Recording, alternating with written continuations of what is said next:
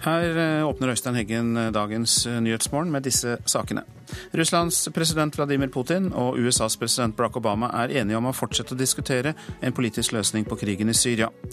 Her får du mer om det vi hørte i Dagsnytt, at kvinner hvitvasker penger for menn de har forelsket seg i på nettet.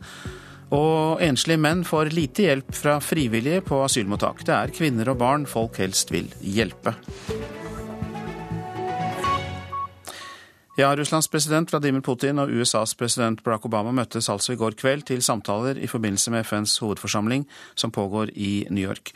Og USA-korrespondent Tove Bjørgaas eh, sa dette like før eh, sending om møtet mellom de to lederne. Det var knyttet stor spenning til dette møtet, fordi det er første gang på to år at disse to verdens mektigste ledere møtes. Og situasjonen i Syria krevde virkelig et slikt møte nå. Eh, møtet varte i en og en halv time, og de to skal altså ha blitt enige om å fortsette dialogen om en politisk løsning i Syria. Problemet er bare at de er helt uenige om hva som skal skje med Assads regime.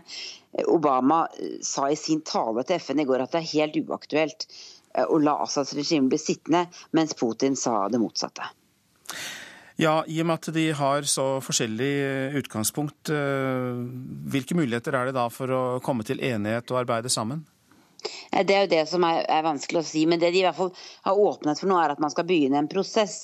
Eh, det som vil skje videre, er at de to utenriksministrene John Kerry og Sergej Lavrov vil fortsette samtalene med den bakgrunnen som dette toppmøtet førte til. Og så skal også militære ledere fra de to landene Eh, ha samtaler og ha kontakt i Syria, der jo også nå Russland har begynt sin egen bombing av IS. Og I tillegg til alt dette, så var det også et annet møte i går. og Det var et møte om Irans eh, at, at, om atomavtalen med Iran. Og Der foreslår EUs eh, e utenrikssjef Federica Mogherini at man kan forsøke å bruke den samme metoden som man brukte for å lage et, en atomavtale med Iran i denne prosessen med Syria. For den gangen var også Eh, Russland med. Så her er det mye diplomatisk virksomhet på sidelinjene.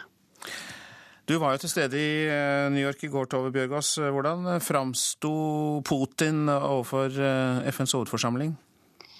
Det var mange som eh, trakk nærmest litt på skulderen her, for de syns han, han sa, snakket på en måte som han har gjort før.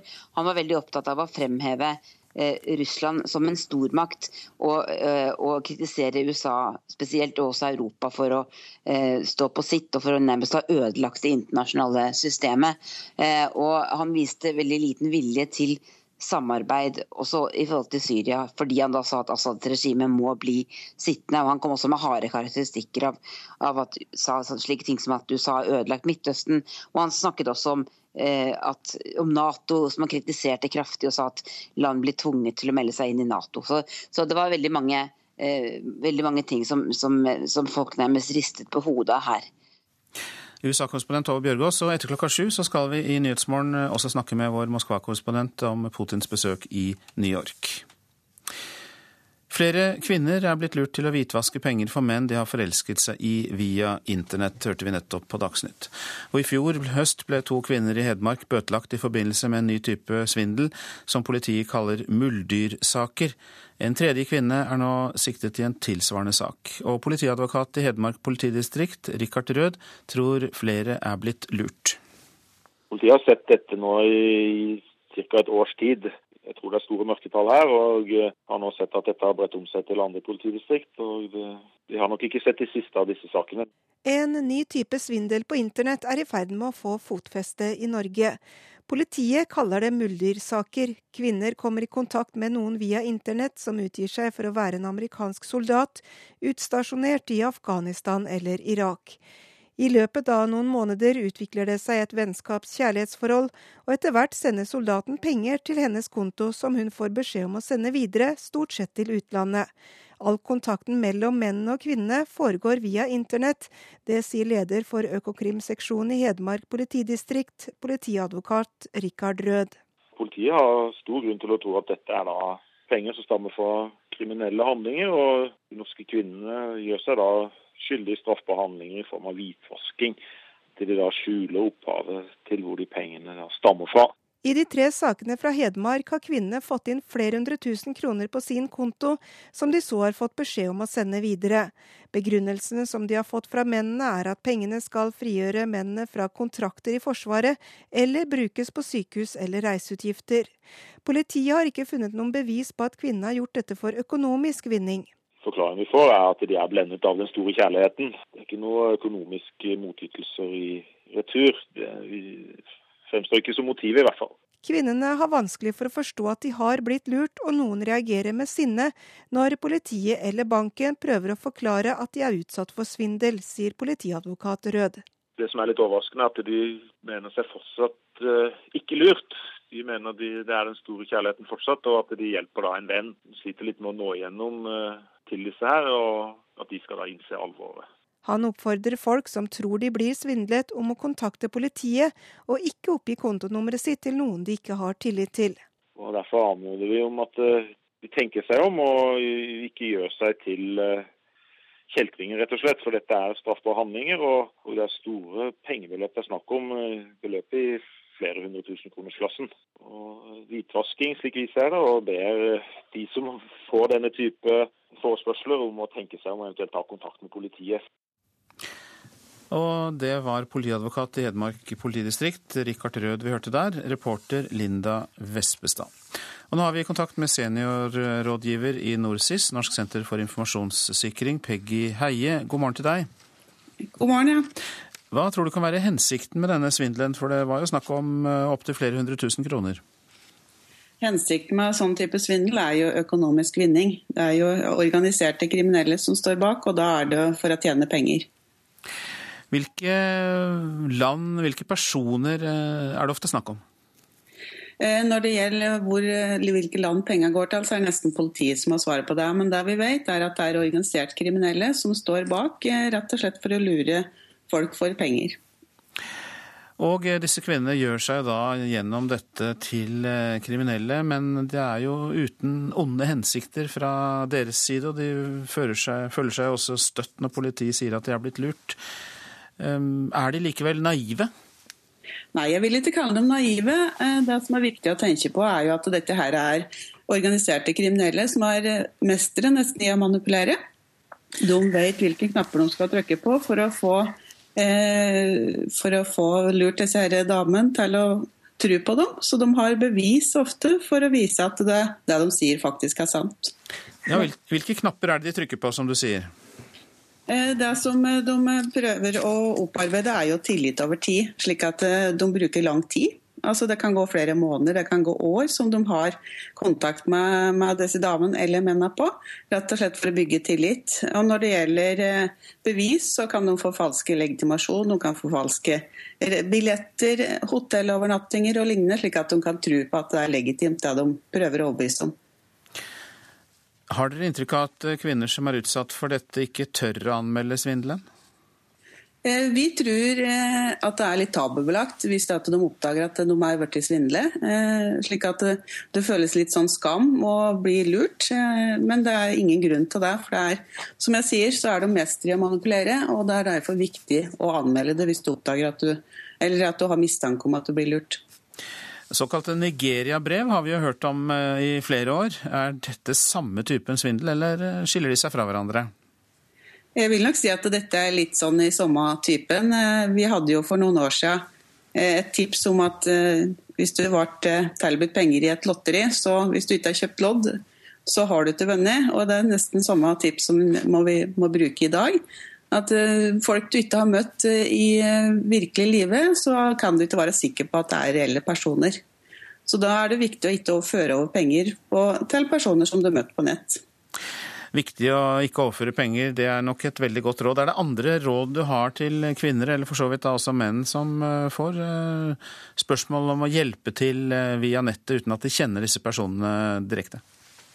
Det som er viktig å vite om, er at denne type svindel foregår. Eh, at de er veldig flinke til å vise til situasjoner, til bevis på at den situasjonen som de omtaler, er sann. Om du har sykehusbesøk, så kan du bli oppringt av en lege. og Det er veldig viktig å vite at eh, at folk blir svindlet på denne måten, og at det, er, eh, at det er et stort omfang. Slik at du kan sikre deg å ha en sunn skepsis til sånne henvendelser når det gjelder penger. Mange takk for at du orienterte oss, Peggy Heie, seniorrådgiver i Norsk senter for informasjonssikring. Så var det avisen i dag. Skattegave til verstinger er oppslaget i Finansavisen. Hybridsuver med 400 hestekrefter under panseret har en avgiftsrabatt på 200 000-300 000 kroner. Offisielt bensinforbruk er lavt, men i realiteten kan det komme opp i 1,5 liter på mila. I statsbudsjettet kan disse bilene få en ny avgiftsgave, skriver avisa. Kan dø av fisk og frukt. VG forteller om 26 år gamle Marie Mellum, som har ekstrem allergi og har mistet tellingen på hvor mange ganger hun har vært døden nær. På det verste har hun vært nødt til å isolere seg helt. Hjemsted avgjør behandlingen barn får, kan vi lese i Aftenposten. I Vestfold eh, innlegges barn på sykehus dobbelt så ofte som i Oslo. Og det er dobbelt så vanlig å fjerne mandler i Finnmark som i Trondheim. Og det er mange eksempler på ulik praksis. En gladmelding om navere er oppslaget i Dagbladet. Fem unge trygdede som hadde falt utenfor eh, arbeidsliv og utdanning, ble omtalt av avisa tidligere i år. Men nå har de klart seg bra. Enten er de på vei ut av Nav eller allerede i jobb. Tillitskrise for Siv Jensen er oppslaget i Dagsavisen. Færre velgere stoler på Fremskrittspartiet i innvandringsspørsmålet, viser måling. Ser man på tilliten, ser det ut til at Frp har tapt denne saken. Det sier valgforsker Johannes Berg til avisa.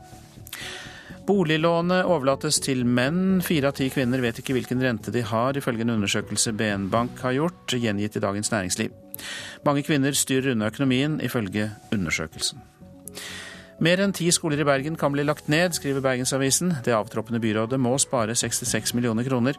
Det påtroppende Arbeiderpartibyrådet kan ikke love at alle skolene blir beholdt, for kommunen er i en alvorlig økonomisk situasjon.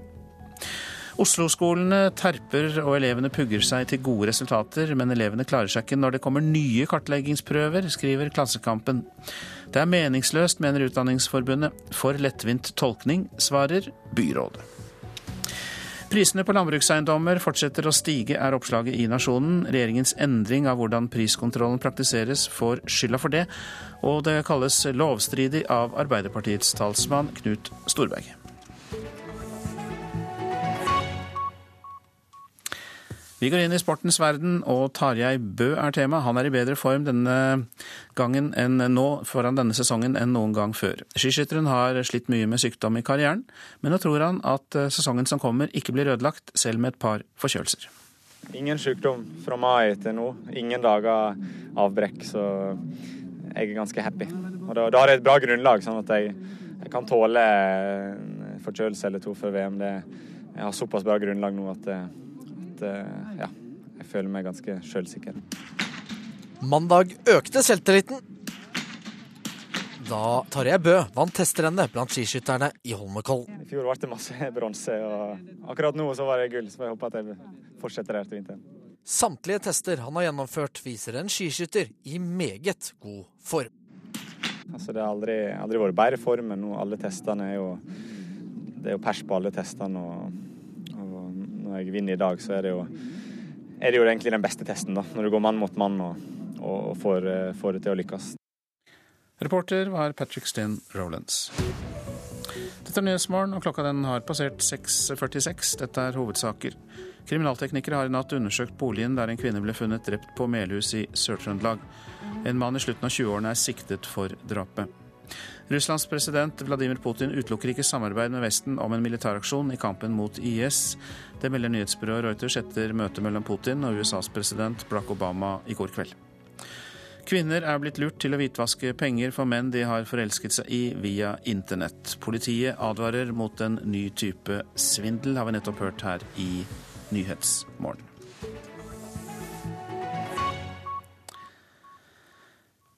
En eh, evaluering i Rogaland viser at det er lite trynetillegg å snakke om i den videregående skolen. Gjennomgang av ordningen med anonym retting viser nemlig at karakterene stort sett er de samme, om lærerne kjenner elevene eller ikke. Og dette har lærerne selv hevdet lenge. Hele saken som handler om anonym retting, oppleves som mistillit. Men nå går altså anonym rettingssaker mot slutten.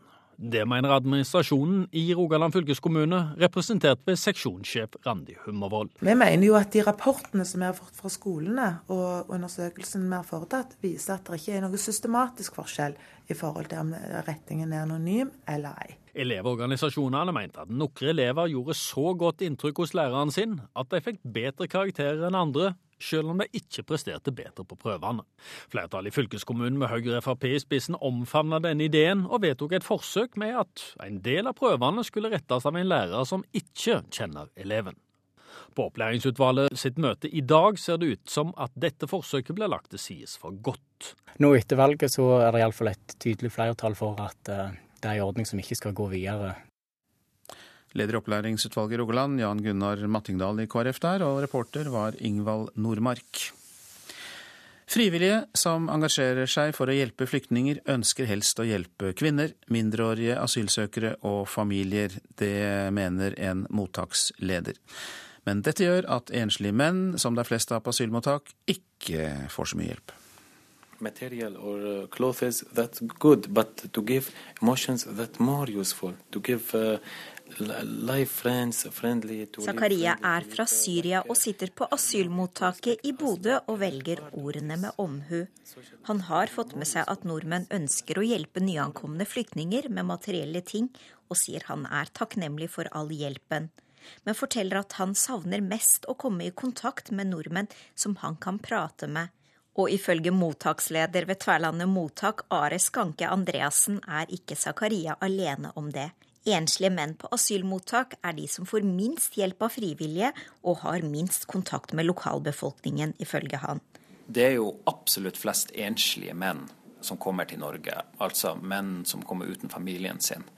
Eh, og det er også de som får minst tilbud av både frivillige organisasjoner og andre barn og kvinner og enslige mindreårige asylsøkere som folk, eh, eller nordmenn, forbarmer seg rundt. Andreassen mener enslige menn på asylmottak trenger minst like mye hjelp som alle andre flyktninger. De som eh, vier sin tid til frivillig arbeid, ofte er kvinner. Og det er klart at for dem så det, kan det jo være vanskelig å jobbe med menn da, alene. Det kan kanskje oppfattes som litt skummelt. da.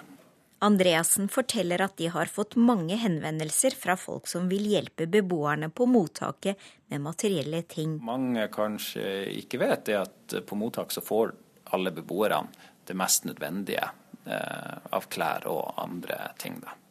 Eh, så det er vel strengt tatt ikke klær og utstyr eh, beboere på asylmottak trenger, men de trenger eh, aktiviteter, de trenger mennesker som har tid til å møte Vera Isaksen er frivillighetskoordinator i Bodø Røde Kors, og hun er enig med Andreassen og forteller at de trenger flere menn som vil være frivillige. For det er, eh, det er nok en fordel at eh, de som er flyktningguider og de som de er flyktningguider for, har mest mulig felles. Som frivillighetskoordinator opplever Isaksen at flyktninger mest av alt trenger noen som kan ønske dem velkommen til deres nye bosted Vi har noen som tar imot dem, noen som kan si hei til på gata. Liksom. At, er, eh, at, de blir sett av eh, noen som eh, bor her og er kjent her. Kanskje får en liten innføring i Tilbake på Bodø asylmottak sitter Zakaria og ønsker seg en venn som han kan snakke norsk med. For han består kontakten med lokalbefolkningen bare av lærerne på norskopplæringen og de ansatte på asylmottaket. Sometimes I feel so lonely, not lonely.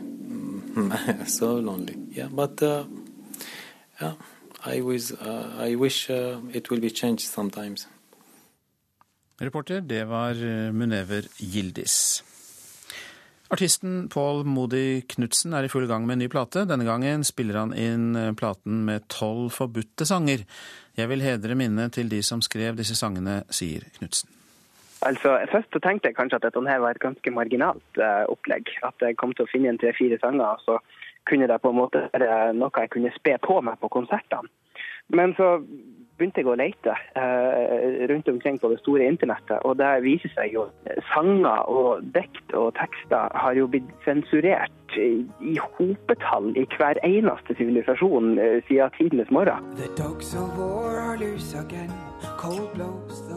Paul Moddi Knutsen med sangen om den israelske offiseren Eli Geva, som i 1982 nekta å lede soldatene sine inn i Beirut. Da visesangeren Birgitte Grimstad skulle framføre sangen under en turné i Israel, fikk hun rett og slett ikke lov av konsertarrangørene. Nå lager Moddi ei plate med flere forbudte sanger, henta fra land som Kina, Russland, Mexico og England. Årsaken til forbudet varierer fra sang til sang. Det er veldig forskjellig. Noen fordi de er eh, anklaget for å være blasfemisk i innholdet sitt. Noen fordi de går mot myndigheten. Noen fordi de rett og slett bare er elendig tima i det de gis ut. Noen grovt språk osv. Men, men det, som, det som som oftest viser seg, er jo at det, det er et maktspill bak dette. her. At, at, at sangene målbærer et eller annet budskap som, som offentligheten ikke tåler. Et uh, budskap som offentligheten ikke tåler, f.eks. sanger som hyller meksikanske narkobaroner, eller sanger som ble forbudt i England i forbindelse med Gulfkrigen. Til og med i Norge har Moddi funnet forbudte sanger, den samiske tyven og sjaman fra midten av 1800-tallet. Kolonialisering er noe man ikke tenker på som typisk norsk, men det er en sang som viser så utrolig tydelig eh, hvordan det norske bare overkjørte alt det samiske på den tida. Etter å ha lett i et halvår satt han igjen med ei liste på rundt 400 forbudte sanger. Tolv av disse blir nå til ei plate som Knutsen gir ut i 2016.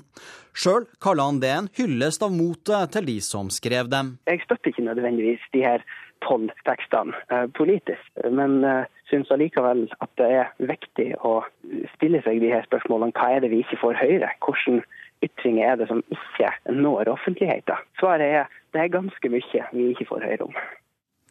Pål Modi Knutsen til reporter Rune Norgård Andreassen. Innføringen av sosiale medier som arbeidsverktøy i bedrifter kan skape mer arbeid istedenfor mindre. Det er en av konklusjonene i en ny doktorgradsavhandling ved Handelshøyskolen BI. Ifølge forsker Lene Pettersen vil ikke en innføring av sosiale medier på arbeidsplassen løse problemer på magisk vis. Det er ikke noe sesam sesam ved å innføre sosiale medier. fordi aller først så må du finne ut hvorfor i all verden du skal investere i denne teknologien. Og hvorfor skal vi bruke ressurser internt på å få det opp å stå. Hvorfor skal vi sette i gang eh, ulike kommunikasjonsprosesser. Man må ta et stort skritt tilbake, og så må man lage, eh, ha, en strategi her, da. Noe av det sosiale medier har blitt forespeilet å gjøre, er å erstatte arbeidsverktøy vi har i dag. Det er ifølge Pettersen ikke så enkelt som det høres ut. En samhandlingsteknologi eller sosiale medier tenkes at man skal overta en del av det e-postfunksjonen har gjort da, tidligere. fordi vi får jo som kjent mye e-post i dag. Når det er sagt, det å eh, erstatte e-postklienten vår med en samhandlingsløsning er ikke nødvendigvis en, idé, en god idé. Eh, fordi at eh, e-post behovet for e- e-post å kommunisere gjennom e-post er veldig viktig. Hun mener at ny teknologi ofte blir sett på som en løsning i seg selv, men at det ikke stemmer. Det fremstilles kanskje ofte at teknologi eh, vil skape endring, men det er jo ikke sånn at teknologien skaper endring i seg selv. Det er menneskene som bruker denne teknologien som vil skape de endringene vi ønsker å oppnå. Torgeir Waterhouse ved IKT Norge, organisasjonen for databransjen, er enig med Lene Pettersen og tror ikke innføringen av sosiale medier vil løse alle bedrifters problemer. Nei, Det er jeg ganske sikker på at det ikke gjør, hvis du tenker one size fits all. Nå er det jo i all hovedsak de såkalte sosiale medier-ekspertene som driver og, og hevder at sosiale medier løser alle problemer og alle oppgaver. Det gjør det selvfølgelig ikke, men det er mange utfordringer og mange oppgaver som kan løses bra med sosiale medier eller verktøy som minner om sosiale medier.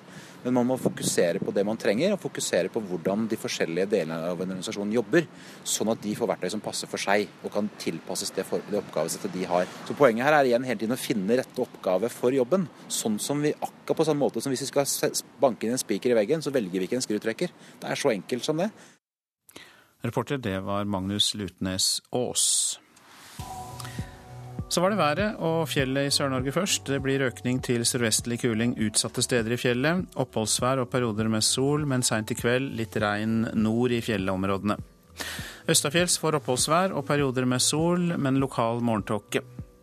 Rogaland og Hordaland stiv sørlig kuling nord for Bergen og oppholdsvær. Fra i ettermiddag skyer det til, utrygt for litt regn i ytre strøk av Hordaland. Sogn og Fjordane sørlig periodevis sterk kuling på kysten og i fjellet. Ved Stad blir det full storm. I kveld minker det vind. Oppholdsvær fra ettermiddag litt regn i ytre strøk. Møre og Romsdal og Trøndelag. På kysten sørvest sterk kuling. I ettermiddag kan hende liten storm, ytterst på kysten i sør. Det blir oppholdsvær, perioder med sol, men i kveld blir det regn. Helgeland, Saltfjellet, Salten og Ofoten. Sørvestlig stiv kuling. Fra ettermiddag sørvestlig liten storm i fjellet og på kysten. I kveld minking til stiv kuling og perioder med regn. Lofoten og Vesterålen øking til sørvestlig sterk kuling. Fra i ettermiddag full storm på yttersiden, kan hende sterk storm. Lokale vindkast i Lofoten og Vesterålen. Det blir på opptil 30-40 meter per sekund. I kveld eh, minker det til sterk kuling. Og det blir også perioder med regn i kveld.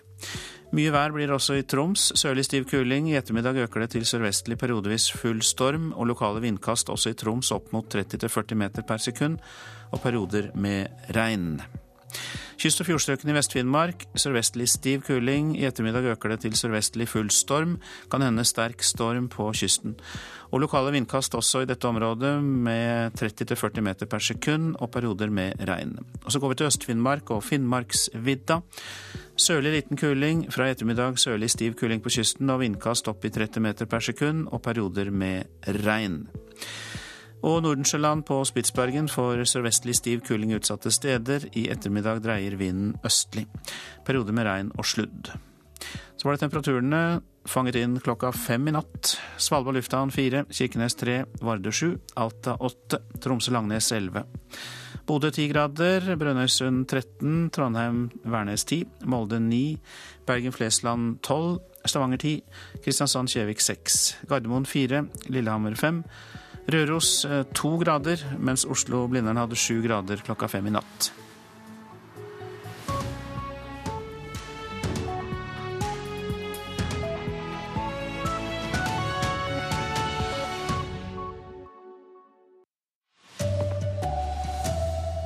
Obama og Putin sliter med å bli enige om hvordan Syriakrisen skal løses, men gir ikke opp samtalene.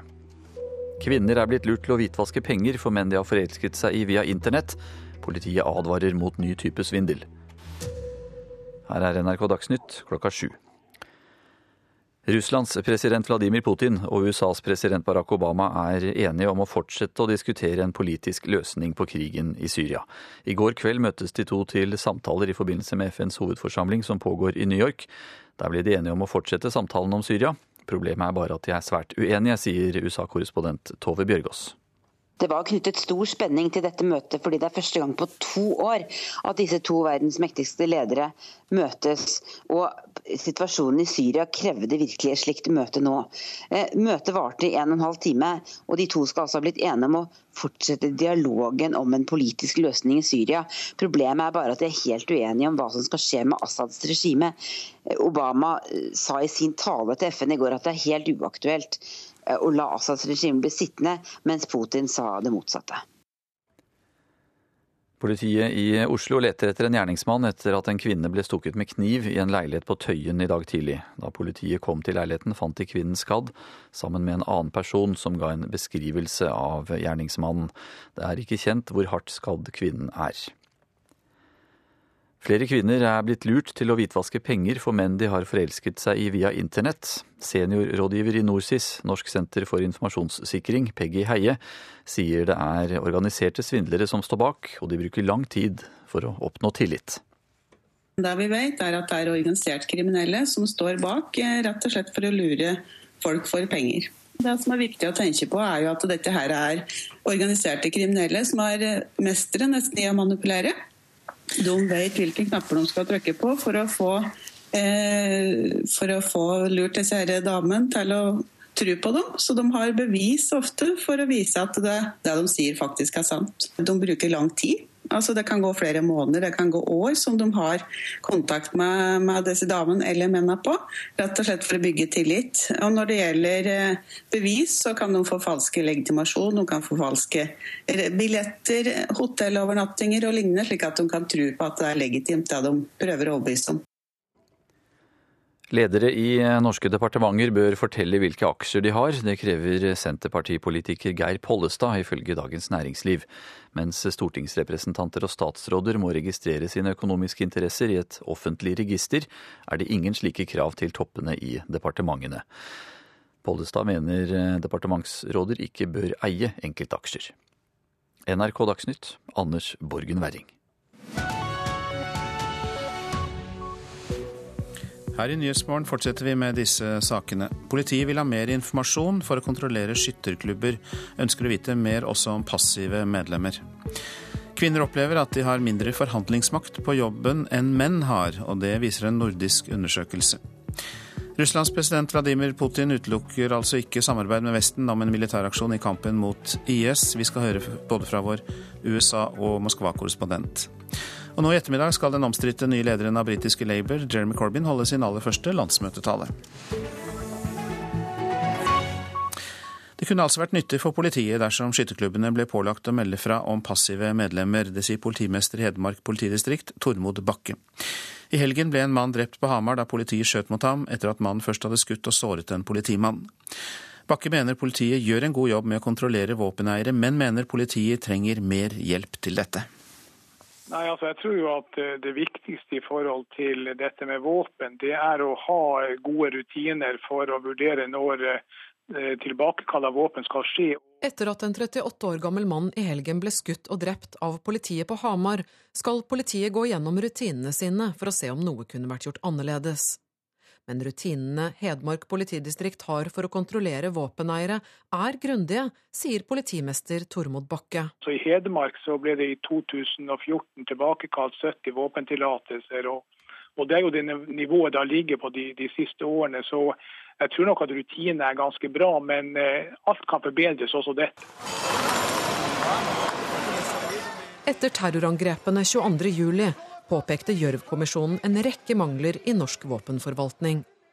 Titusenvis av våpen er fortsatt på avveie, og forslaget til ny våpenlov, som skal sikre bedre kontroll med hvem som har lov til å skaffe og ha våpen i Norge, er ennå ikke lagt fram for Stortinget.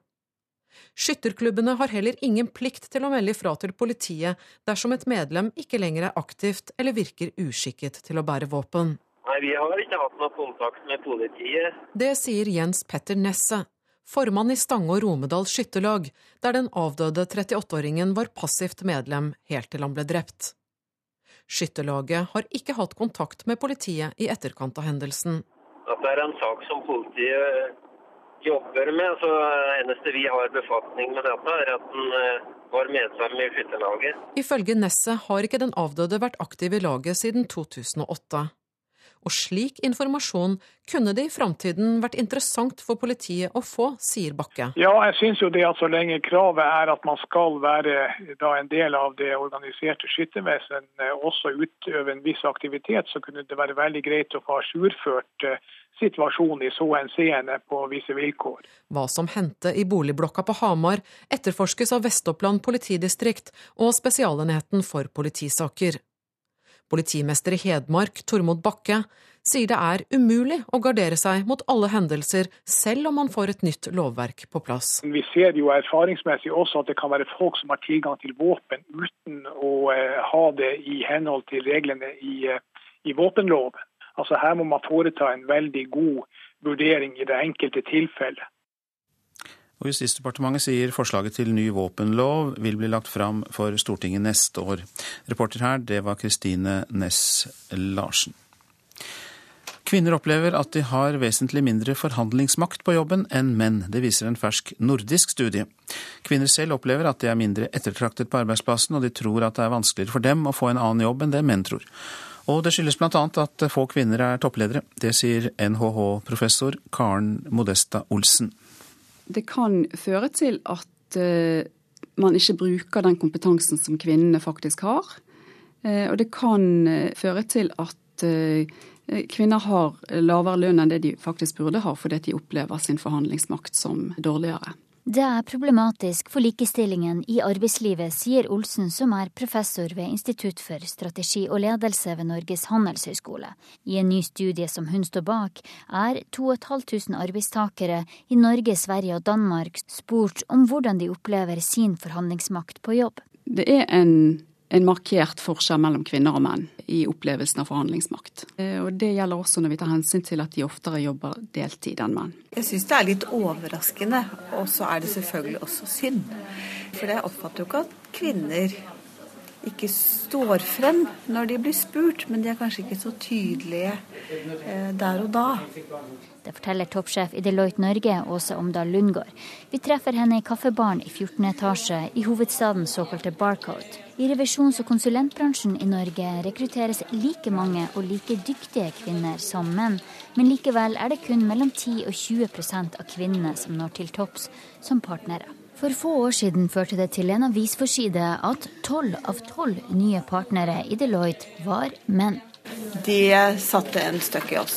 Og når det da også kom noen som spurte oss og sa vet du hva, disse tolv mennene de er kjempeflinke, men fins det virkelig ikke én kvinne som er like god? Da skjønte vi at nå må vi ta oss sammen, for det er selvfølgelig ikke riktig. Siden har Lundgaard og ledelsen i Deloitte hatt fokus på å få flere kvinner opp i toppledelsen. Årsakene til at kvinner opplever mindre forhandlingsmakt, kan være at de tar mer ansvar på hjemmebane enn menn, at de har lavere selvtillit, men også at de ikke får så sentrale jobber som menn, ifølge studien fra Norges handelshøyskole. Og dermed har kvinner faktisk mindre forhandlingsmakt. Jeg tror at eh, kvinner må bli flinkere til å synliggjøre sin kompetanse. Eh, og så tror jeg også arbeidsgivere må bli eh, flinkere til å, å ansette kvinner i lederposisjoner. Eh, og så tror jeg tiltak som fedrekvote kan være viktig. Sier professor Karen Modesta Olsen.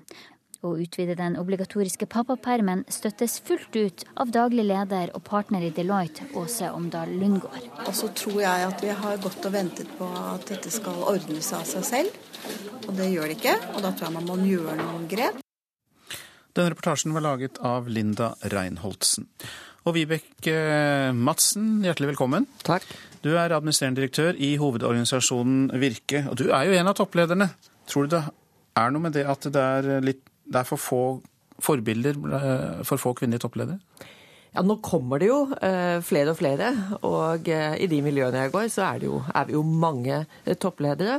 Men som vi hørte, det, det, er jo slik at det fortsatt er, mener jeg, for få kvinner i toppstillingen. Og jeg er overrasket over det, fordi at gjennom tidene så har jo jeg vært i bedrifter som har hatt sterke programmer for å få frem kvinner.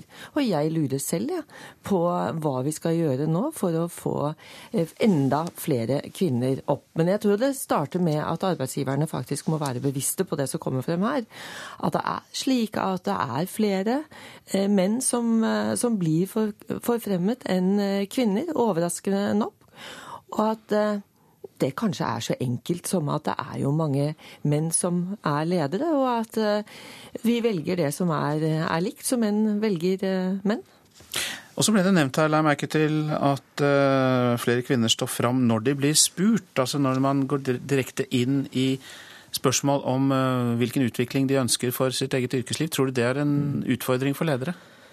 Ja, Det sier meg iallfall at eh, bedriftene eh, må bli enda mer bevisste på at når det er eh, rekrutteringer, så må vi ha systemer for intern rekruttering.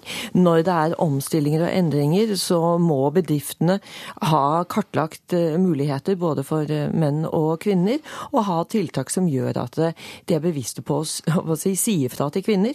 At også de skal stå frem og vise hvor gode de er, for det er ikke tvil om at vi er gode.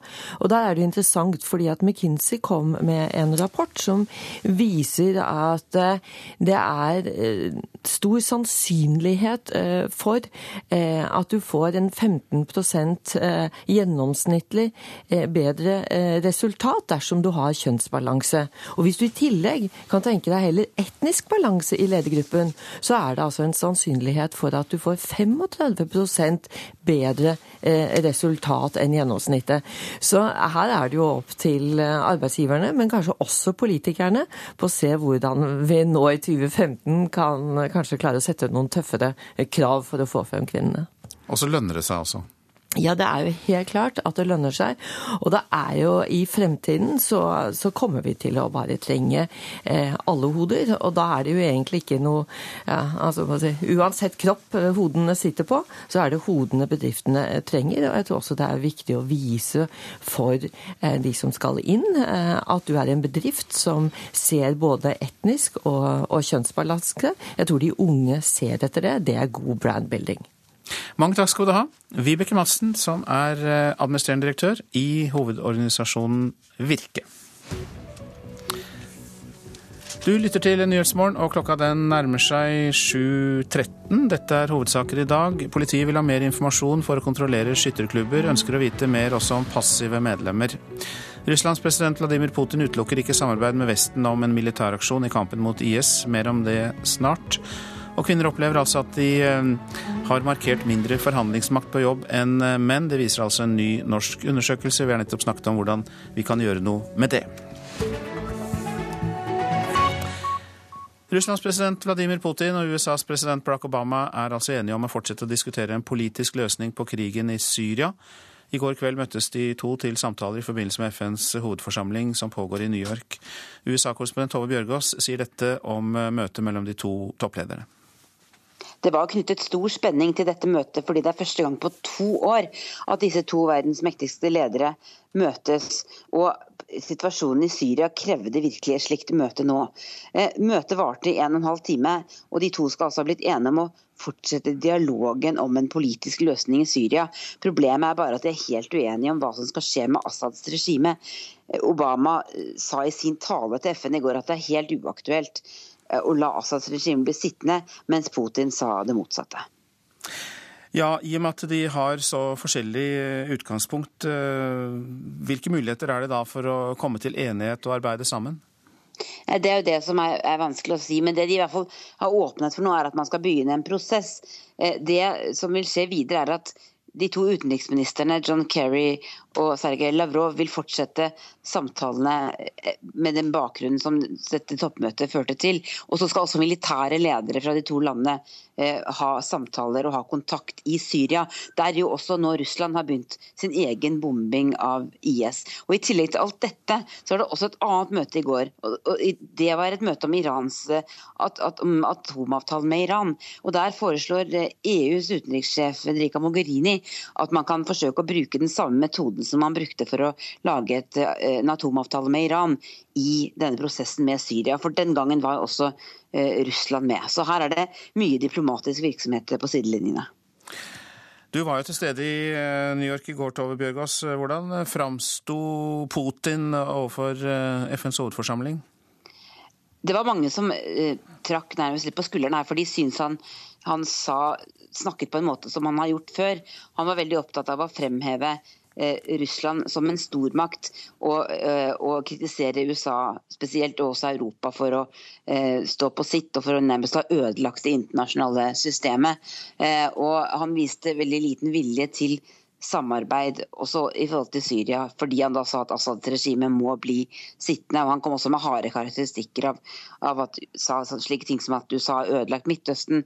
og Han snakket også om, eh, at, om Nato, som han kritiserte kraftig, og sa at land blir tvunget til å melde seg inn i Nato. Så, så det var veldig mange, eh, veldig mange ting som, som, som folk nærmest ristet på hodet av her. Senere i dag så skal jo USAs president Barack Obama lede et toppmøte med de over 50 landene i den internasjonale alliansen som kriger mot IS i Syria og Irak. Og eh, hva tror man kan komme ut av det møtet? Ja, Dette er et møte som skal være litt mer praktisk. Der skal faktisk Norges eh, statsminister Erna Solberg eh, delta eh, i en sentral rolle. Og Dette er en oppfølging av en konferanse om bekjempelse av ekstremisme som var i Washington tidligere i år. Det Obama ønsker er at man skal få til mer arbeid på grasrota både i Europa, i USA og andre steder i verden for å hindre at f.eks. unge mennesker reiser til Syria og Irak for å slutte seg til IS. Så, så dette er, en, er, et møte hvor man skal diskutere samarbeid, praktiske strategier, og hvor Norge også vil legge fram et forslag om et kvinnenettverk som skal hindre at, at, unge kvinner slutter seg til IS, noe som er et økende problem. Og Det kom også tall i helga eh, på at 30 000 har sluttet seg til denne terrororganisasjonen, som er høyere tall enn det man tidligere har har fått vite. Så dette er et viktig møte som altså president Obama har tatt initiativ til. USA-korrespondent Tove Bjørgaas, som jeg snakket med like før eh, sending. Men Moskva-korrespondent Morten Jentoft har vi med oss eh, her og nå. Hvor realistisk er det til å få eh, et samarbeid for å løse Syriakrigen mellom USA og Russland? Ja, Fra russisk side så mener man jo at dette er den eneste løsningen i dag. At uh, For å komme ut av det uføret som man er nå, så må uh, Russland inn i bildet med sin inngang da direkte også til det syriske regimet under president Bashar al-Assad. Så Fra russisk side så mener man det at russerne her opptrer konstruktivt, og at man prøver da å redde rett og slett Vesten ut ifra det uføret, den hengemyren, som bl.a. USA er ansvarlig for for å ha kjørt ikke bare Syria, men også Irak og Libya ut i. Og så hørte vi Tove Bjørgaas uh, si at uh, noen ristet på hodet av Putins tale i går. Det var vel mye kritikk av USA og EU. Hvordan tas ta talen imot hjemme i Moskva? Her blir jo det sett på som helt motsatt. da, at uh, Det er greit nok at man i USA rister på hodet Vladimir Putin, men uh, her mener man jo da uh, at Russland har en del rett, eller man mener jo selvfølgelig her at Russland har mye rett i det man, det man sier når Vesten må bære en stor del av ansvaret for at man har hatt en helt feil strategi, både i Libya, Irak og Syria, ved å gå inn i landene, velte for så vidt Man er jo enig også her da at verken Assad eller Gaddafi i Libya var spesielt demokratiske ledere. Men eh, man mener at Vesten gikk inn på en måte uten å ha et klart alternativ. Og alternativet har da vært eh, anarki, da, ifølge Vladimir Putin. Hva er det Putin ønsker å oppnå nå, eh, spesielt overfor USA? Ja, Dette er jo eh, et politisk spill nå på mange nivåer. Det er helt klart at eh, utgangspunktet selvfølgelig så ønsker Russland å bevare sin politiske innflytelse, eller få tilbake noe av sin politiske innflytelse i, eh, i Midtøsten, i Syria. Men det som nå skjer, det har også andre sider. Ved å fokusere på Syria så har Vladimir Putin og Russland klart å få oppmerksomheten fra Vesten noe vekk fra situasjonen i Ukraina. Og I tillegg så har det også en innenrikspolitisk rolle her i Russland. Det at uh, Russland på denne måten er aktiv utenrikspolitisk, det fjerner også uh, eventuell kritikk da mot uh, udemokratiske tendenser, nedgangen i russisk økonomi som man ser her. Sånn at det som nå skjer, det har mange sider og er en del av et større spill.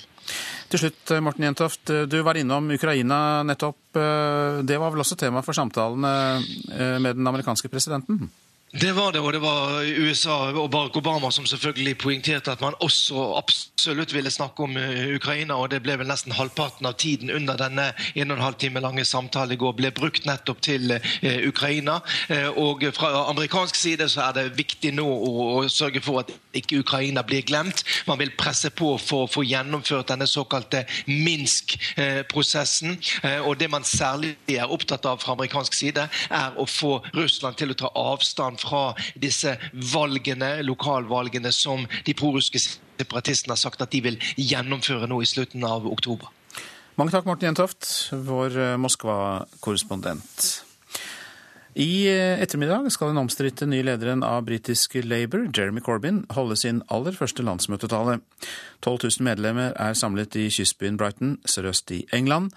Og Storbritannia-korrespondent Espen Aas, du er med oss. Eh, hva er forventningene til denne talen? Ja, Mange, enten de er motstandere eller tilhengere av Corbyn, håper nå å få et slags eh, politisk manifest fra mannen om hva slags politikk vi egentlig skal få fra Labour fremover. Han eh, la ut en liten video på sosiale medier i går hvor han antydet at vi skulle få høre mer om en ny og mildere eh, politisk linje enn det vi har i dag, og at Corbyn, da, som har blitt omtalt som en risiko for landet av sine politiske motstandere fordi han har en viss venstreorientert politikk, også kommer til å fortelle om sin store kjærlighet og hengivenhet til til eh, Storbritannia. Men eh, kommer nok også til å fortelle om et mer demokratisk og annerledes regime i partiet. Et parti som ikke skal være toppstyrt, men som eh, skal høre på sine medlemmer. Og det var nok et lite sleivspark til hans gamle fiende og partileder Tony Blair, som mer enn noen har advart mot Jeremy Corbyn som ny leder.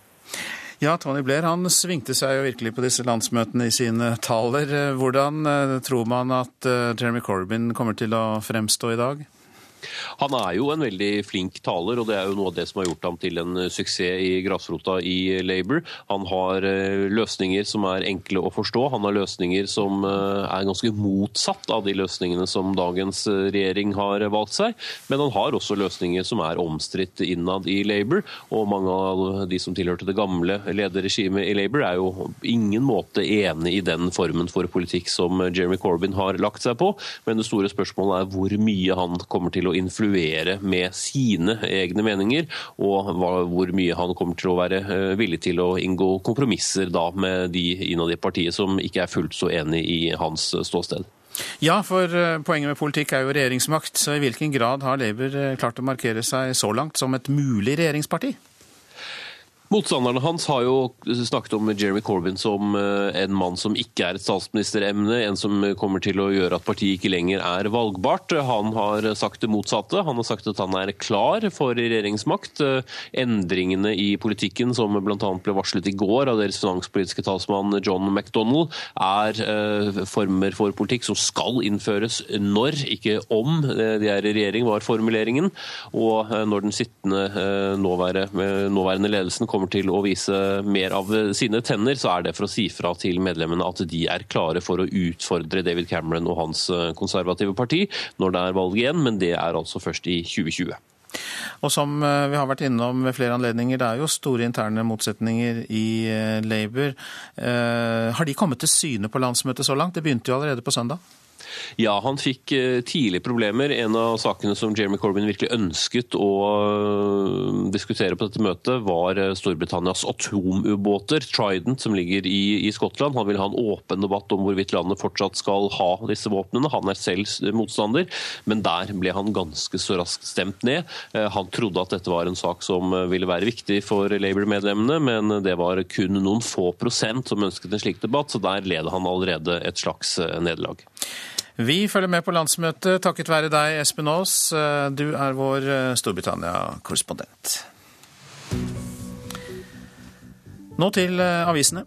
Skattegave til verstinger er oppslaget i Finansavisen. Hybrid-SUV-er med 400 hestekrefter under panseret har en avgiftsrabatt på 200 000-300 000 kroner. Offisielt bensinforbruk er lavt, men i realiteten kan det komme opp i 1,5 liter på mila. Og i statsbudsjettet kan disse bilene få en ny avgiftsgave, skriver avisa kan dø av fisk og frukt. VG forteller om 26 år gamle Marie Mellum, som har ekstrem allergi og har mistet tellingen på hvor mange ganger hun har vært døden nær. På det verste har hun vært nødt til å isolere seg helt. Hjemsted avgjør behandlingen barn får, kan vi lese i Aftenposten. I Vestfold innlegges barn på sykehus dobbelt så ofte som i Oslo. Og det er dobbelt så vanlig å fjerne mandler i Finnmark som i Trondheim. Det er mange eksempler på ulik praksis. En gladmelding om Navere er oppslaget i Dagbladet. Fem unge trygdede som hadde falt utenom både arbeidsliv og utdanning, ble omtalt i avisa tidligere i år, men nå har de klart seg bra. Enten er de på vei ut av Nav eller allerede i jobb. Tillitskrise for Siv Jensen er oppslaget i Dagsavisen. Færre velgere stoler på Fremskrittspartiet i innvandringsspørsmål, viser en måling. Ser man på tilliten, ser det ut til at Frp har tapt denne saken, sier valgforsker Johannes Berg. Boliglånet overlates til menn. Fire av ti kvinner vet ikke hvilken rente de har, ifølge en undersøkelse fra BN Bank gjengitt i Dagens Næringsliv. Mange kvinner styrer unna økonomien, ifølge undersøkelsen. Mer enn ti skoler i Bergen kan bli lagt ned, skriver Bergensavisen. Det avtroppende byrådet må spare 66 millioner kroner. Det påtroppende Arbeiderpartibyrådet kan ikke love at alle skolene blir beholdt, for kommunen er i en alvorlig økonomisk situasjon. I Oslo-skolen terper og pugger elever seg til gode resultater, men elevene klarer seg ikke når det kommer nye kartleggingsprøver, skriver Klassekampen. Det er meningsløst, mener Utdanningsforbundet. Det er en for lettvint tolkning, svarer byrådet. Prisene på landbrukseiendommer fortsetter å stige, er oppslaget i Nasjonen. Regjeringens endring av hvordan priskontrollen praktiseres får skylda for det, og det kalles lovstridig av Arbeiderpartiets talsmann Knut Storberget. Og så en gladnyhet for gryta og komfyren. Det er rekordbra kvalitet på lam i år. Til tross for elendig sesongstart pga. mye snø i fjellet, så har det ikke slått negativt ut på kjøttkvaliteten. Lammene er bedre enn noen gang, sier Nils Inge Hitland, leder i Norsk sau og geit i Hordaland. Dette er en NKS, og det betyr en norsk hvitsau, rett og slett. Sauebonde Gunnar Lægrei viser fram noen av de fine og store lamma sine som får beita videre på bakkene utenfor gården i Eifjord. Lægrei er godt nøyd med årets resultat, for trass i en elendig sesongstart er kvaliteten på årets lam bedre enn noen gang. Det var jo sånn eh, at uh, vi så litt mørkt på det i en stund i vår, men uh, sesongen ble mye bedre enn det som vi frykta. Det, det ble gode beiter i fjellet, og selv om det ble seint, så ble det vikten på sauen veldig, veldig bra. Vi nå ser resultatet, som har gått veldig fint. Topp kvalitet og bedre lam enn det har vært egentlig noensinne. Så det er rekorder på både vekt og kvalitet. Og, ja. Det sier Nils Inge Hytland, leder i Norsk sau og geit i Hordaland. Jeg spekulerte jo litt på det her i tidligere sommer når vi så eh, snømengdene, at uh, forutsatt at vi fikk dyrene til fjells, så ville det bli uh, gode beite hele sesongen. Rett og slett at det ble snøsmelting og frigjort nytt gress og plantedekke hele sesongen. Da. Og det, jo, det, er jo sånn det har blitt. Så aller fleste de har jo levert mer lam enn de hadde regna med når de lagde prognoser på hva de kunne melde inn til slakt. Sånn at nå er det egentlig veldig god stemning og veldig mye fine lam med god kvalitet. Slaktelappen som jeg fikk fra slakteriet, den eh, var jeg veldig fornøyd med. Så de hadde, var over, over forventningene. Kjekt å være sauebonde, da? Klart det er kjekt å være sauebonde når det går bra.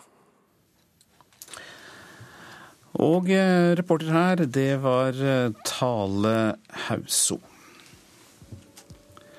Du lytter altså til uh, Nyhetsmorgen, og uh, ansvarlig for uh, produsent for Nyhetsmorgen i dag er Eli Bjelland. Her i studio Øystein Heggen. Over halvparten av palestinerne støtter ikke lenger en tostatsløsning. Det viser en undersøkelse. Mer om det i reportasjen etter Dagsnytt.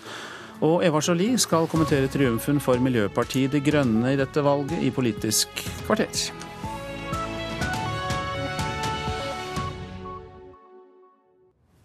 I 1973 fikk svenske ekteskapsrådgivere mye å gjøre takket være TV-serien 'Scener fra et ekteskap'. Vi er kjenslommessige analfabeter. I bunnen desto hyggelig ukunnige både om oss selv og andre. Nå slåss flere filmskapere om å lage nye versjoner av Bergmans mesterverk. Kulturhuset på P2 i dag klokka 13.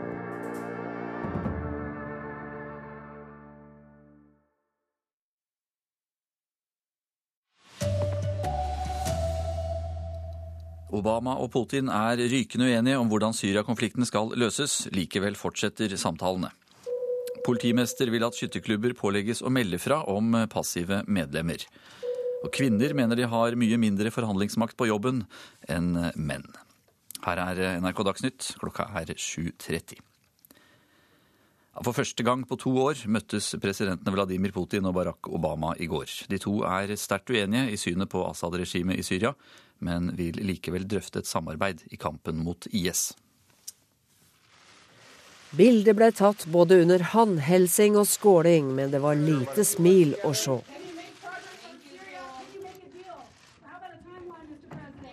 Og ingen svar å få. De to presidentene står steilt mot hverandre i flere saker, og spesielt i Syria-spørsmålet. Putin gir klart uttrykk for at president Bashar al-Assad er lovlig valgt og skal sitte. President Obama mener Assad må vekk for å skape ro i regionen. Som Obama sa dagen før, Assad svarte på fredelig protest med vold og drap, og dette starta krigen. Russland og USA kan likevel komme til å samarbeide i kampen mot ekstremistene i IS etter dette historiske møtet. Russisk støtte skal alt ha blitt gitt til Assads bombardering av IS-posisjoner. Nå skal begge lands utenriksministre og forsvarssjefer forhandle om militært samarbeid. Møtet mellom de to stormaktspresidentene varte i halvannen time, og trass i stivt kroppsspråk sa Putin etter møtet at han nå er klar til å bedre forholdet til USA. Det sa utenriksmedarbeider Sigrun Slapkar. Og Moskva-korrespondent Morten Jentoft, Putin og Obama er altså totalt eh, uenige når det gjelder eh, synet på Assad-regimet. Hva slags samarbeid om Syria kan man da se for seg? Ja, det er mange som eh, lurer på det. Men eh, de har jo da en felles eh, fiende da i, i og Fokuset må jo da rettes mot hvordan bekjempe den islamske staten på best måte. Og Der har jo russerne en del gode kort eh, på hånden, i og med at de er også nå da til stede i Syria eh, militært. At de har erfaringer fra eh, kamp mot eh, terrorgrupper også på eget eh, territorium. Sånn at eh, Da spørs det om amerikanerne da må svelge noen kameler her og godta at hvis de skal kunne knekke IS, så må de ha russerne med på laget. Ukraina var også et tema i samtalene. Hva vet du om hva som ble sagt der?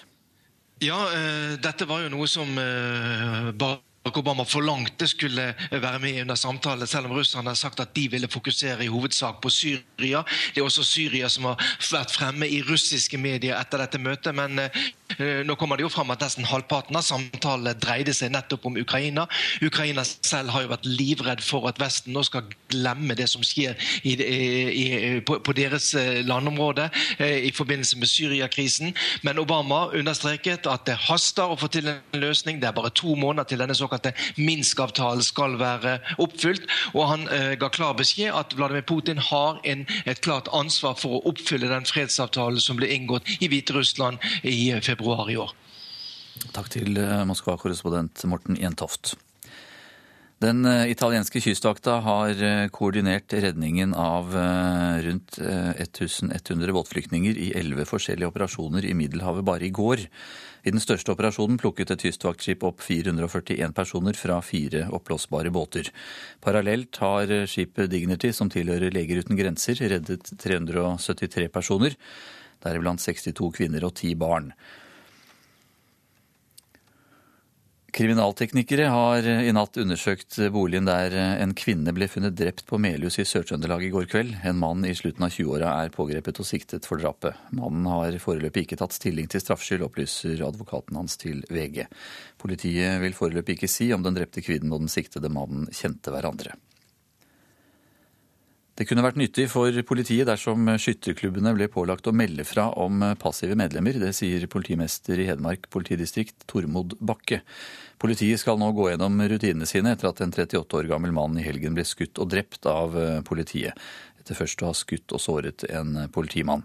Bakke mener politiet gjør en god jobb med å kontrollere våpeneiere, men mener det kunne vært godt med litt drahjelp. Nei, altså Jeg tror jo at eh, det viktigste i forhold til dette med våpen, det er å ha gode rutiner for å vurdere når eh, tilbakekall av våpen skal skje. Etter at en 38 år gammel mann i helgen ble skutt og drept av politiet på Hamar, skal politiet gå gjennom rutinene sine for å se om noe kunne vært gjort annerledes men rutinene Hedmark politidistrikt har for å kontrollere våpeneiere er grundige, sier politimester Tormod Bakke. Så I Hedmark så ble det i 2014 tilbakekalt 70 våpentillatelser. Og, og, det er jo det nivået det har ligget på de, de, siste årene. Så jeg tror nok at rutinene er ganske bra, men eh, alt kan forbedres, også dette. Etter terrorangrepene 22.07 påpekte Gjørv-kommisjonen en rekke mangler i norsk våpenforvaltning. Titusenvis av våpen er fortsatt på avveie, og forslaget til ny våpenlov, som skal sikre bedre kontroll med hvem som har lov til å skaffe og ha våpen i Norge, er ennå ikke lagt fram for Stortinget.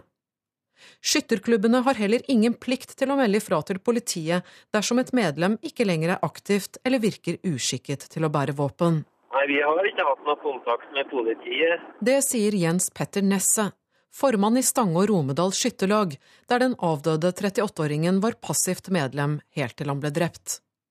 Politimester i Hedmark, Tormod Bakke, sier det er umulig å gardere seg mot alle hendelser, selv om man får et nytt lovverk på plass. Vi ser jo erfaringsmessig også at det kan være folk som har tilgang til våpen uten å eh, ha det i henhold til reglene i, eh, i våpenloven. Altså Her må man foreta en veldig god vurdering i det enkelte tilfellet. Justisdepartementet sier forslaget til ny våpenlov blir lagt fram for Stortinget i 2016. Reporter her, det var Kristine Næss Larsen. Kvinner opplever fortsatt at de har vesentlig mindre forhandlingsmakt på jobb enn menn, ifølge en studie fra Norges handelshøyskole. Dette fører til at mange får lavere lønn enn de fortjener, og at kvinner ikke stiger i gradene. Det er skuffende, mener leder og partner i Deloitte, Åse Omdal Lundgård. Og så er det selvfølgelig også synd. Litt overraskende, for jeg oppfatter jo ikke at kvinner ikke står frem når de blir spurt, men de er kanskje ikke så tydelige eh, der og da. I revisjons- og konsulentbransjen rekrutteres like mange og like dyktige kvinner og menn, men et fåtall av kvinnene når til topps. For få år siden skapte det første sideoppslag at tolv av tolv nye partnere her i Deloitte var menn. De satte en støkk i oss. Og når det da også kom noen som spurte oss og sa vet du hva, disse tolv mennene de er kjempeflinke, men fins det virkelig ikke én kvinne som er like god? Da skjønte vi at nå må vi ta oss sammen, for det er selvfølgelig ikke riktig. Forteller daglig leder Åse Lundgaard, som siden har jobbet aktivt for å få kvinners kompetanse opp i ledelsen. At få kvinner når til topps, er én grunn til at kvinner fortsatt føler at de har vesentlig lavere forhandlingsmakt på jobb enn menn. Det mener professor Karen Modesta Olsen. Det kan føre til at uh, man ikke bruker den kompetansen som kvinnene faktisk har. Uh, og det kan uh, føre til at kvinner har lavere lønn enn det de faktisk burde ha, fordi de opplever sin forhandlingsmakt som dårligere. Det er problematisk for likestillingen i arbeidslivet, sier Olsen, som er professor ved Institutt for strategi og ledelse ved Norges handelshøyskole. I en ny studie som hun står bak, er 2500 arbeidstakere i Norge, Sverige og Danmark spurt om hvordan de opplever sin forhandlingsmakt på jobb. Det er en, en markert forskjell mellom kvinner og menn i opplevelsen av forhandlingsmakt. Reporter Linda Reinholdsen. Og i Politisk kvarter i P2 om eh, drøyt eh, fem minutter så blir det debatt om dette temaet. En kvinne er stukket med kniv i en leilighet på Tøyen i Oslo i morges. Da politiet kom til leiligheten, fant de kvinnen skadd sammen med en annen person. Det sier operasjonsleder Tor Gulbrandsen. Hun ble raskt tatt ut til ambulanse og kjørt av gårde til sykehus.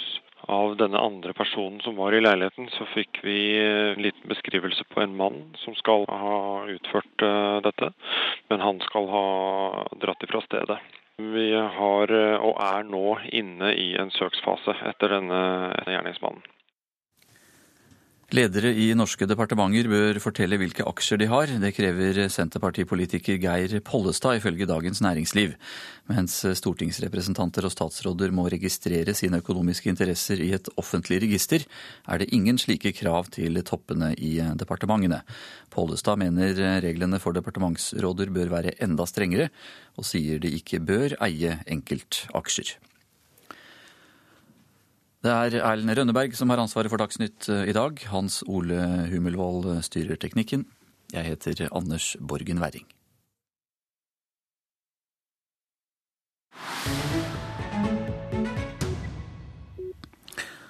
Dette er eh, Nyhetsmorgen. I New York i morgen skal eh, Norge nok en gang lede møtet i giverlandsgruppen for Palestina, som bidrar med penger til etableringen av en palestinsk stat. Men en ny undersøkelse viser at eh, over halvparten av palestinerne ikke lenger støtter tostatsløsningen.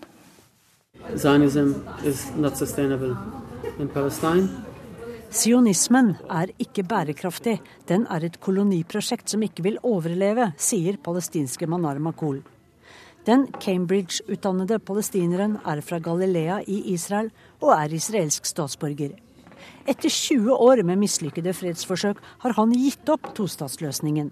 Nå er han for én felles stat for begge folk, et syn han deler med stadig flere. Han tar lange drag av vannpipen på kafeen i Betlehem, der vi sitter. Makol har flyttet fra Galilea til den okkuperte Vestbredden, ettersom alt er ett land for ham nå. I live in Palestine. For me, all of it, it's Palestine. I don't feel Alt er Palestina for meg, sier Makul. I likhet med 78% av rundt 1300 spurte palestinere på Vestbredden, mener han at en egen palestinsk stat er helt urealistisk i nær fremtid.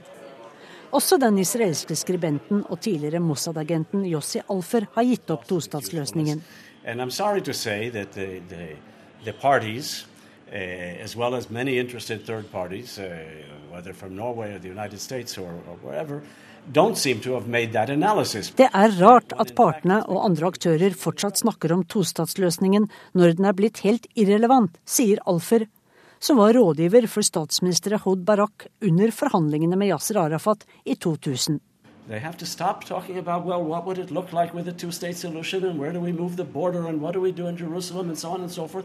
Totally Så nå må folk slutte å snakke om tostatsløsningen, mener Jossi Alfer, som ser mørkt på fremtiden. Vi beveger oss mot noe stygt og ekkelt, sier han til NRK. En som har lagt frem en plan til løsning, er utdanningsminister Naftali Bennett, som leder Israels mest nasjonalistiske parti, Jødisk hjem. Bennett-planen går ut på å annektere området der bosetterne bor, det såkalte C-området, som utgjør 60% av Vestbredden. Palestinerne skal få styre seg selv på restene innen små bantustans. about what he envisages, with the exception of the fact that he doesn't use the word apartheid, but, but what he envisages is, is apartheid. I praksis er dette apartheid, sier Alfer, som tidligere jobbet i den israelske hærens etterretningstjeneste.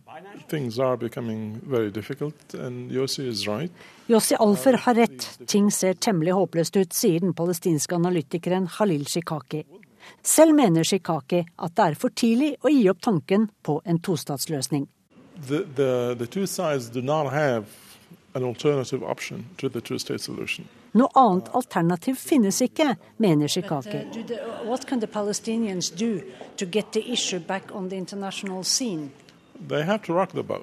Han understreker at palestinerne må få saken sin tilbake på den internasjonale agendaen. Optimist er han ikke. Det er heller ikke Yossi Alfer.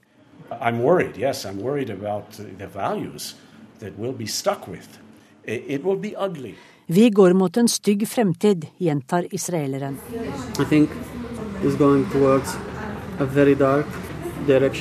Jeg ser med redsel på tiden vi har foran oss, sier palestinske Manar Makul. Og trekker flere dype drag av vannpipen på kafeen i Betlehem. Denne reportasjen var laget av Sissel Wold.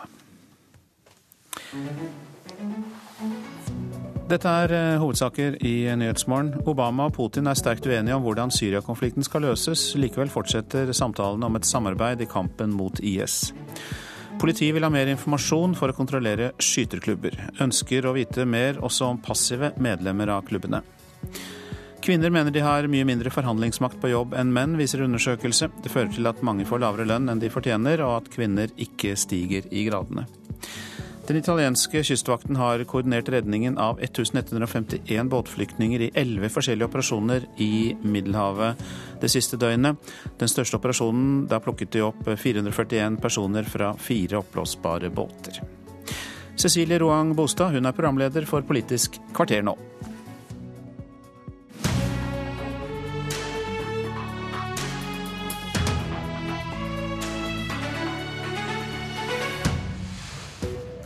Kvinner opplever fortsatt at de har vesentlig mindre makt på jobb enn menn, tross tiår med likestilling. Fedre må ta mer pappaperm for å få likestilling i arbeidslivet, mener toppsjef i Deloitte Norge. Og i 2012 var hun presidentkandidat for Miljøpartiet De Grønnes søsterparti i Frankrike. Nå kommer Eva Joly med gode råd til Miljøpartiet om hva de bør gjøre for å holde på oppslutningen her i landet. Riktig god morgen, velkommen til Politisk kvarter. Du har helt sikkert hørt det før, og i dag hørte du det igjen her på NRK. Kvinner opplever ikke full likestilling i arbeidslivet. Det viser en fersk studie fra Handelshøyskolen i Bergen. Og et av tiltakene for å få likestilling er at fedre må ta ut mer pappaperm, mener toppsjefen i Deloitte Norge, Åse Omdal Lundgård. Jeg tror de blir gode eksempler for de kvinnene som eh, da er på jobben. Jeg er opptatt av at de unge mennene hos oss tar den permisjonen. Jeg tror det er gode signaler. Jeg syns det er veldig leit at eh, permisjonen er kuttet ned med de fire ukene. Jeg tenker at 14 uker, som det var, det gjør at man må koble fra jobben. Man klarer ikke da å håndtere den løpende. Og da er man helt borte. Og da ser man at man er, ikke, ikke er uerstattelig. I utgangspunktet så skjønner jeg at man skal la familiene ha valgmulighet, men jeg tror at man må gjøre noen radikale grep for å sørge for at vi får en bedre eh, fordeling av, i, i arbeidslivet. Og gir kvinner mulighet til å gjøre god karriere. Morten Stordalen, velkommen i studio. Du er, sitter i eh, familie- og kulturkomiteen for Fremskrittspartiet. Når du hører toppsjefen i Deloitte Norge her si det må radikale tiltak til for å få likestilling i arbeidslivet. Dere fjernet eh, pappapermen med fire uker. Mener du at det fortsatt var riktig? Ja, det mener jeg fortsatt er riktig. Og det er fortsatt sånn at man kan avtale annen løsning. Og Fremskrittspartiet er for at familien selv skal kunne organisere sin hverdag. Syns det er feil at politikere skal styre og organisere familielivet. Eh, og vi vet at eh, kvinner er faktisk representert i eh, toppstillinger, og kvinner og jenter er flinke på skolen. Og jeg har også respekt for likestilling handler også om likeverd og respekt for at faktisk noen velger annerledes. Eh, det er ikke dermed sagt at eh, alle kvinner vil opp og fram og ta lederjobber. Men helt siden 1978 så har eh, familier hatt muligheten til å dele denne permisjonen seg imellom. Det gjøres ikke. Er det da en valgmulighet? Ja, men Det gjøres. Vi skal ikke ta alle over en kam. Husk på at vi skal ha respekt for de som velger annerledes. Og jeg mener at familien er det viktigste. Og jeg har respekt og jeg har tillit til at familien selv skal organisere sin hverdag. Jeg syns det er leit at man kan diskusjon om at de som da velger løsning med at kanskje kvinnen er mer hjemme, at de nærmest blir mobba fordi at man ikke er A4-speilet, sånn som noen politikere ønsker å gjøre det. Fremskrittspartiet har tillit til familien, og at de skal velge selv det som er best for seg og sine. Men når vi hører toppledere, og vi vet også at studier viser at eh, de valgene tas ikke eh, Ja, det er kvinnene som er hjemme, men tar den pappakvoten de har fått tildelt, og sjelden noe mer. Fungerer da den valgfriheten?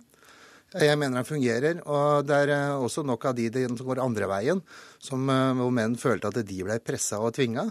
Nå kan de også velge mer sjøl. Og fortsatt så er valgfriheten for familien det viktigste for oss. Men er dette et godt tiltak for å få likestilling, tror du?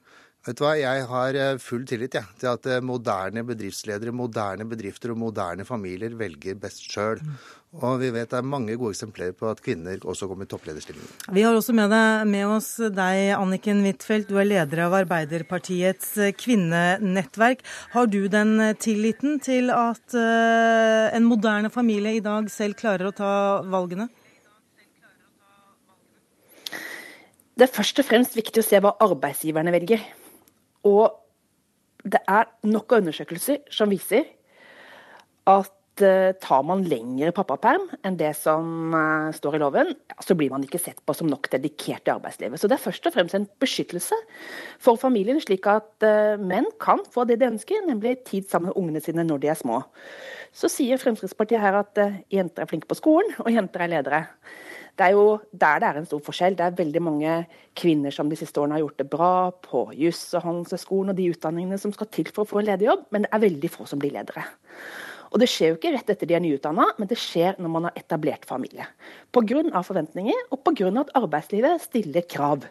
Og da må ikke Fremskrittspartiet late som at verden er mer rettferdig for kvinner enn det den er, for det er det han later som her. Og hvis du ikke får en toppjobb, så, ja, så er det på en måte din egen feil. Det er det du sjøl som har valgt det. Sannheten er at eh, jenter og gutter stiller likt på skolen og under utdanning og rett etter de er ferdig utdanna, men så kommer barna, og så blir det enorme forskjeller. Og det må vi bare innse. og Derfor så må vi innføre tiltak for å gjøre det lettere for kvinner å nå sjefsjobber, og vi må gjøre det lettere å dele foreldrepermisjon. Ja, tror du pappaperm eh, tilbake til 14 eh, uker vil være med på å øke likestillingen? Absolutt. For når vi hadde en pappaperm som var seks uker, så kunne det tas i forbindelse med en sommerferie. Eh, da var det på en måte ikke at menn var borte i det hele tatt. Eh, så fikk vi ti uker. Da så vi at eh, flere menn tok det. 14 uker var jo på en måte, Da har man noe tid sammen med, med barna alene. Da går mamma ut i yrkeslivet alene. Da får man en bedre fordeling av arbeidsoppgavene hjemme. Og ikke minst, og det er her Frp bommer, så er det et signal til arbeidsgiver at ansetter du en dame på 32 eller en mann på 32, så må du regne med at vedkommende er litt borte under permisjon. Og Det er derfor veldig mange kvinner i arbeidslivet opplever diskriminering. For at arbeidsgiver tenker at ja, hun skal være så mye borte pga. permisjon, så jeg ansetter eldre en ung mann. Stordalen, er ikke tallenes tale ganske klare her?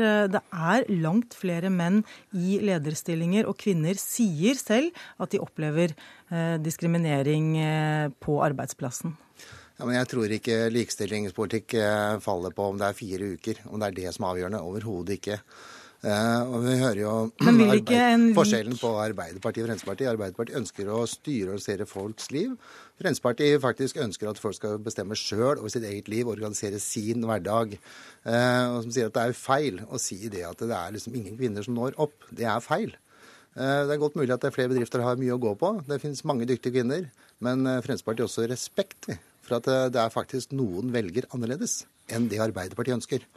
Vi ønsker at eh, folk skal bestemme sjøl. De som søker toppjobber, de får toppjobber. Og det er kvalitative og flinke folk der ute. Mens Arbeiderpartiet ønsker å styre og diktere det. Det ønsker ikke Fremskrittspartiet. Men deler av denne undersøkelsen viser bl.a. at kvinner føler seg mer erstattelige på jobb, i motsetning til menn, som opplever at de er uerstattelige. Eh, handler ikke det om at menn er mer til stede på jobben fordi de ikke tar ut lange fødselspermisjoner? Det er mulig at eh, noen velger sånn ikke sant, for statistikk, men eh, husk på at det er en del som velger da det motsatte enn det som blir påstått her. Som faktisk tar ut sin tid. Og moderne bedriftsledere, moderne bedrifter, moderne mennesker velger det som er best for seg og sine. Og jeg er sikker på at en del av de velger også da å ta ut eh, maks, at man far tar mer permisjon enn det som var utgangspunktet for loven.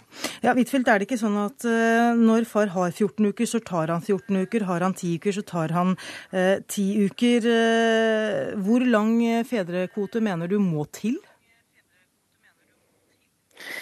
Jeg mener 14 eh, uker vil være riktig å innføre.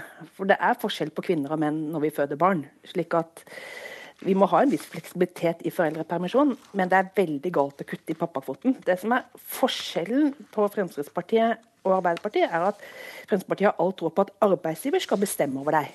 Vi har ikke så forskjellig syn på familien. Det er arbeidsgiver vi har forskjellig syn på. Og jeg har ikke tiltro til at arbeidsgivere sier til unge menn og kvinner at ja, bare vær lenge så borte lenge dere vil i fødselspermisjon, dere får samme muligheter etterpå. Det finnes nok av eksempler på at menn får den kvoten som eh, staten har fastsatt, og kun det. Og Det samme er ved synet på midlertidige ansettelser. Her er det arbeidsgiver som skal bestemme over deg. Så da får vi en ny politikk med Frp, hvor arbeidsgiver bestemmer mer over din arbeidshverdag. Du får mindre rettigheter som mor og far, og det blir mindre likestilling. Ja, jeg synes at Fremskrittspartiet her utviser en ganske sånn naivt syn på er det naive Stordalen? Tallene tale som er så klart. Da, ikke, men dette er jo en grov påstand, da, at uh, arbeidsgiver bestemmer. Ja, Fremskrittspartiet sier at uh, folk skal bestemme over sitt eget liv, sin egen hverdag. Og det er kontrasten til Arbeiderpartiet, hvor de ønsker å organisere familiens liv. Tvert imot så ønsker vi at familien skal bestemme mer selv. Det tror vi er best samfunn å leve i. Uenighetene er eh, tydelig til stede i eh, familie- og eh, likestillingspolitikken her. Vi er nødt til å runde av så langt. Takk for at dere to var med, begge to.